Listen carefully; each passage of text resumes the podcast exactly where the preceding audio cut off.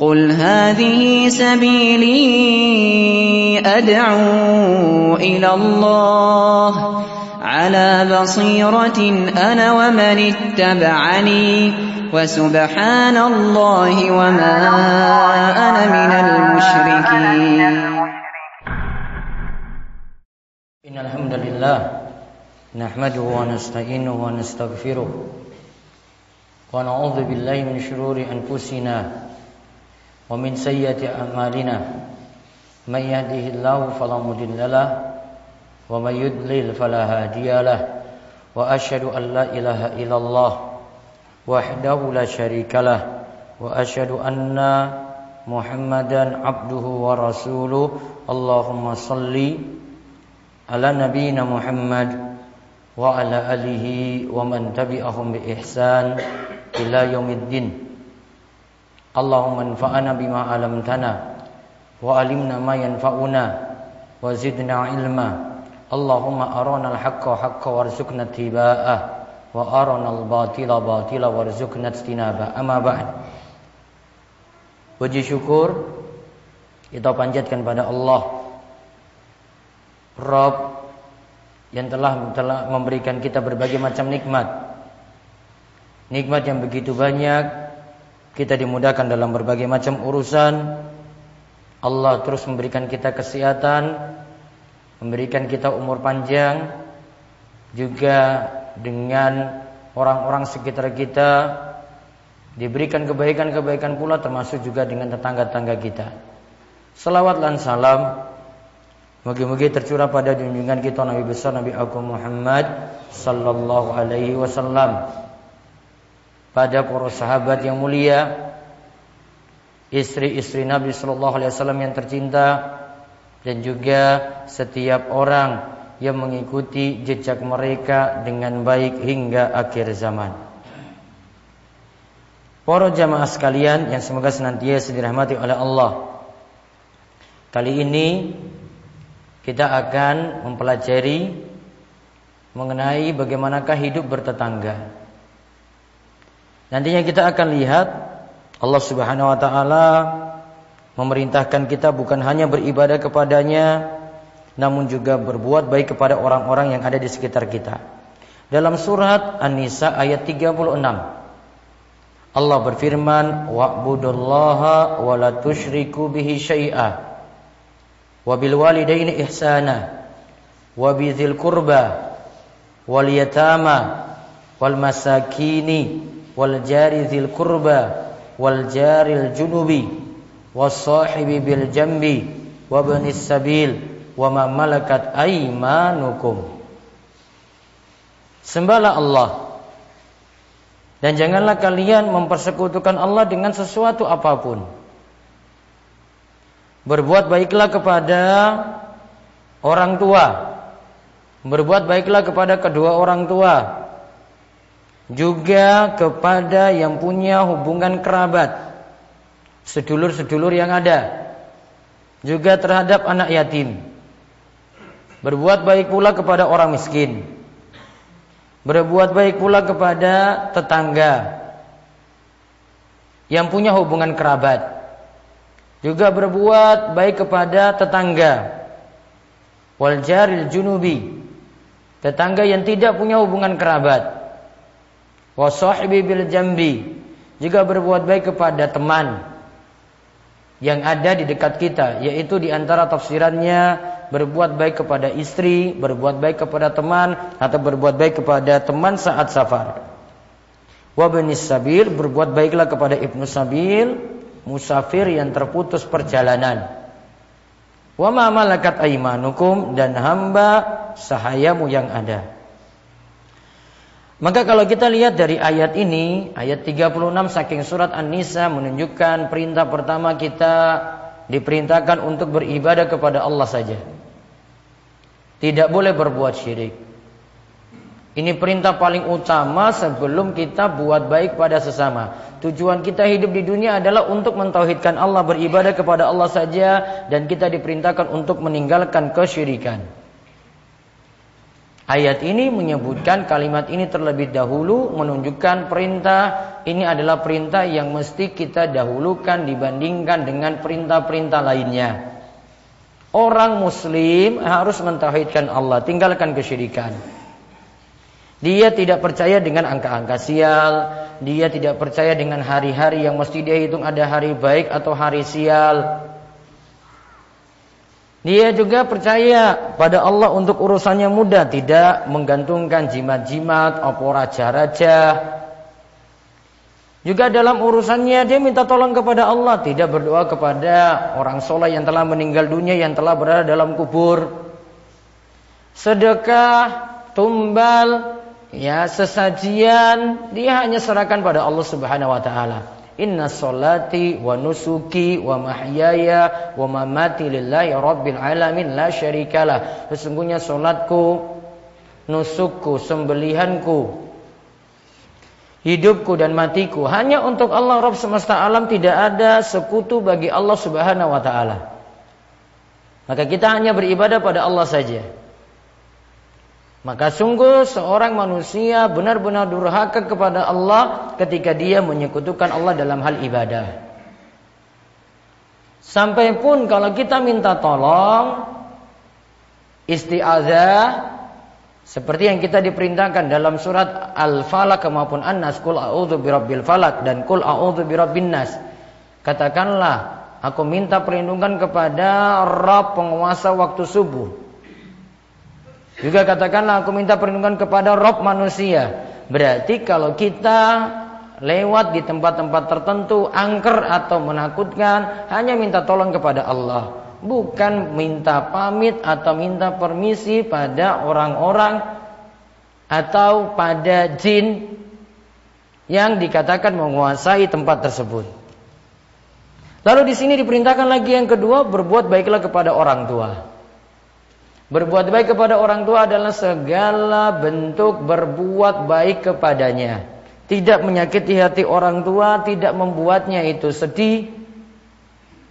Kemudian tidak membuat orang tua itu kecewa.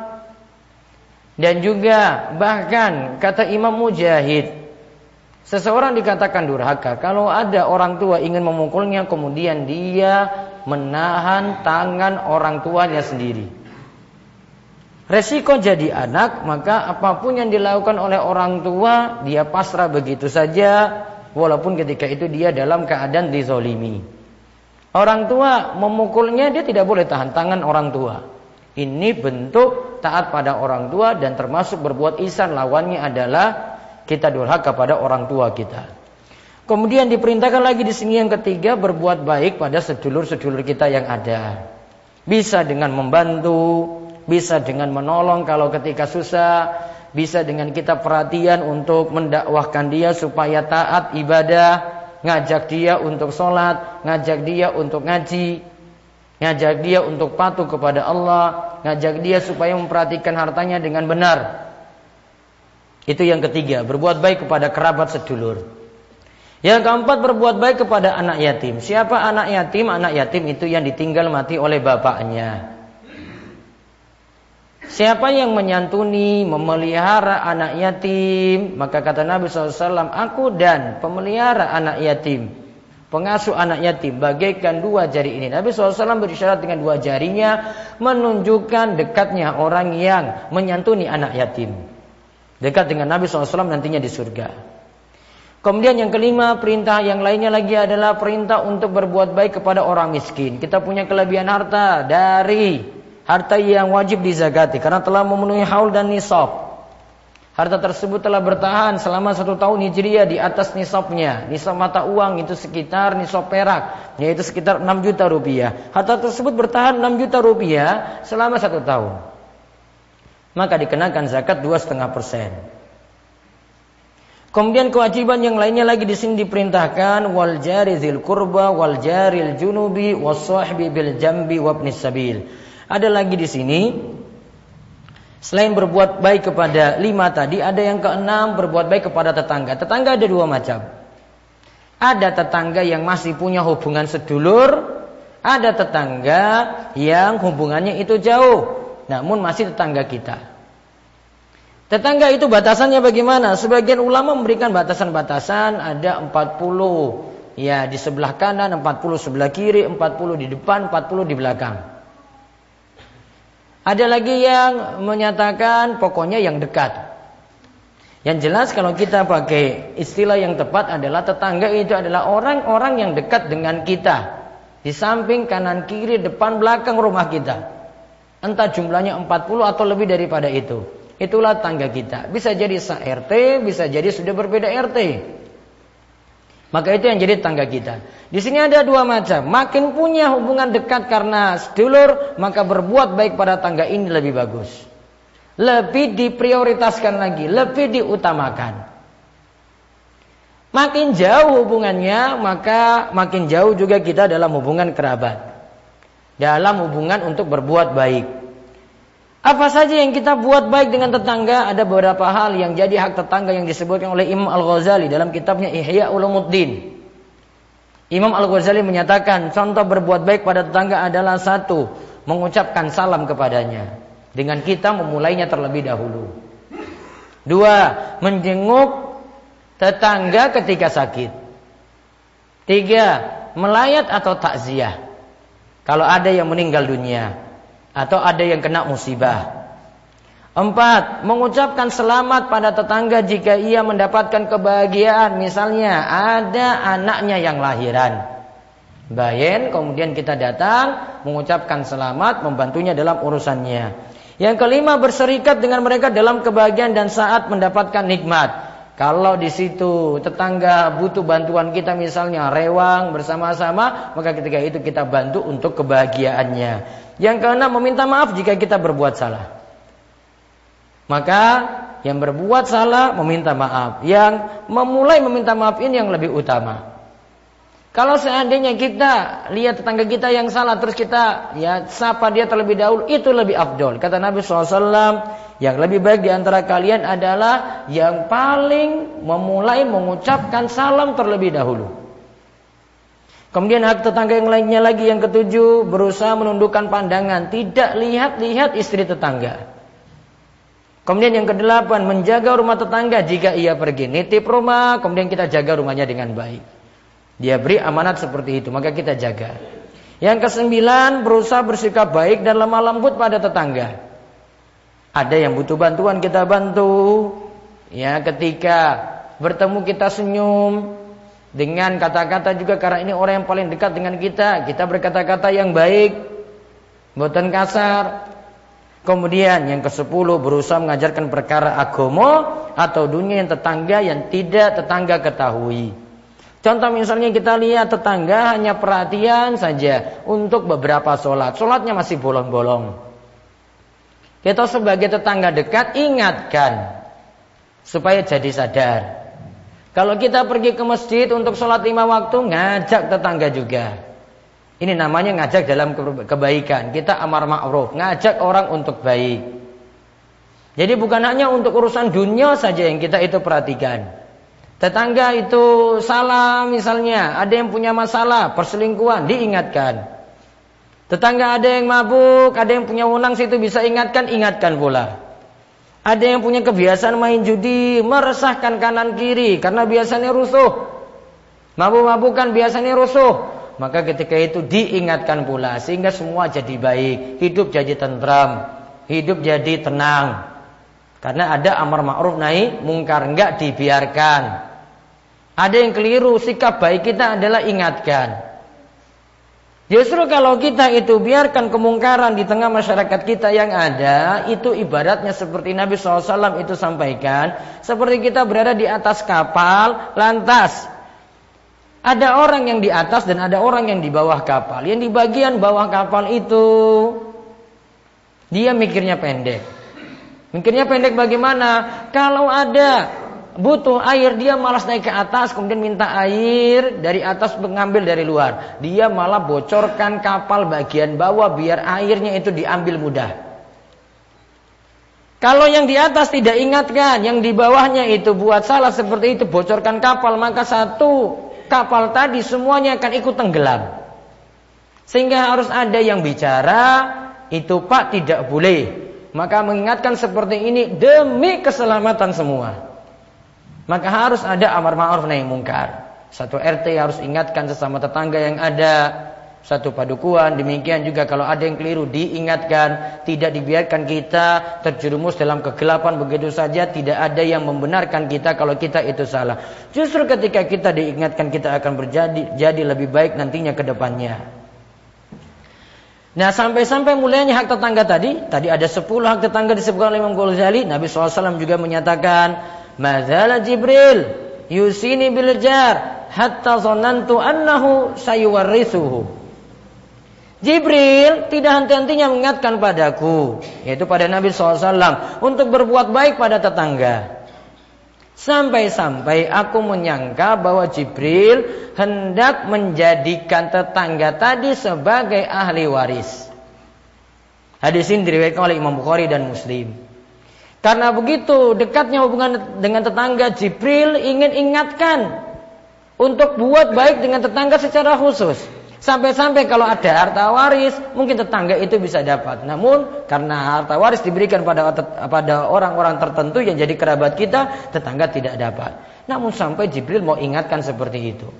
Maka kita mohon kepada Allah Subhanahu wa taala, mudah-mudahan di dunia ini kita mendapatkan tetangga-tangga yang baik yang membuat kita hidup tenang, yang membuat agama kita itu bagus, yang membuat kita semakin dekat dengan Allah Subhanahu wa taala, ingatkan kita ketika keliru dan selalu ngajak kita pada kebaikan dan kita dijauhkan dari tetangga-tetangga yang jelek di dunia ini, begitu juga dijauhkan dari tetangga yang jelek di akhirat kelak karena tempat kembali yang jelek akan mendapatkan teman-teman yang jelek pula. أقول قولي هذا واستغفر الله لي ولكم ولسائر المسلمين إنه هو السميع العليم.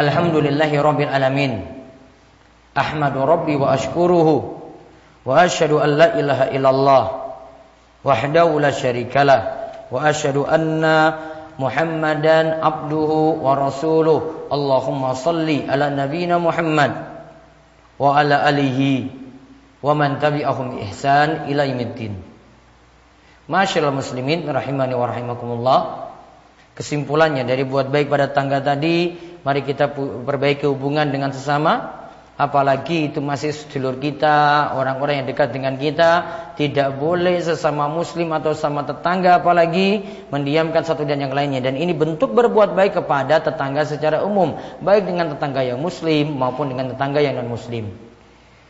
Dan di hari Jumat yang berbahagia ini kami ingatkan untuk berselawat kepada Nabi Shallallahu Alaihi Wasallam. Siapa yang berselawat kepada beliau sekali maka Allah akan membalas selawatnya sebanyak sepuluh kali. Inna Allah malaikatahu yusalluna ala nabi ya ayyuhalladzina amanu sallu alaihi wa sallimu taslima. Allahumma salli ala Muhammad wa ala ali Muhammad kama sallaita ala Ibrahim wa ala ali Ibrahim innaka Hamidun Majid. Allahumma barik ala Muhammad wa ala ali Muhammad kama barakta ala Ibrahim wa ala ali Ibrahim innaka Hamidun Majid. Allahumma ighfir lil muslimina wal muslimat wal mu'minina wal mu'minat al ahya'i minhum wal amwat. Innaka sami'un qaribun mujibu da'wat. Allahumma inna nas'aluka al jannah wa na'udzu bika minan nar. Allahumma inna nas'aluka al huda wal afaf wal ghina. Allahumma inna wal afaf wal Allahumma inna Allahumma inna na'udzubika min zawali nikmatik wa tahawuli afiyatik wa fujaati nikmatik wa jami'i sakhatik. Allahumma inna nas'aluka imanan la yartad wa na'iman la yanfad wa murafaqata Muhammad sallallahu alaihi wasallam fi a'la jannatil khuld. Allahumma inna na'udzubika min zawali nikmatik wa tahawuli afiyatik wa fujaati nikmatik wa jami'i sakhatik. Allahumma inna nas'aluka imanan Allahumma akfina bihalalika an haramik wa agnina bifadlika amman siwak Rabbana hablana min azwajina wa zuriyatina qurrata a'yun waj'alna lil muttaqina imama Rabbana atina fid dunya hasanah wa fil akhirati hasanah wa qina adzabannar wa sallallahu ala nabiyyina Muhammadin wa ala alihi wa sahbihi ajmain walhamdulillahi rabbil alamin aqimus shalah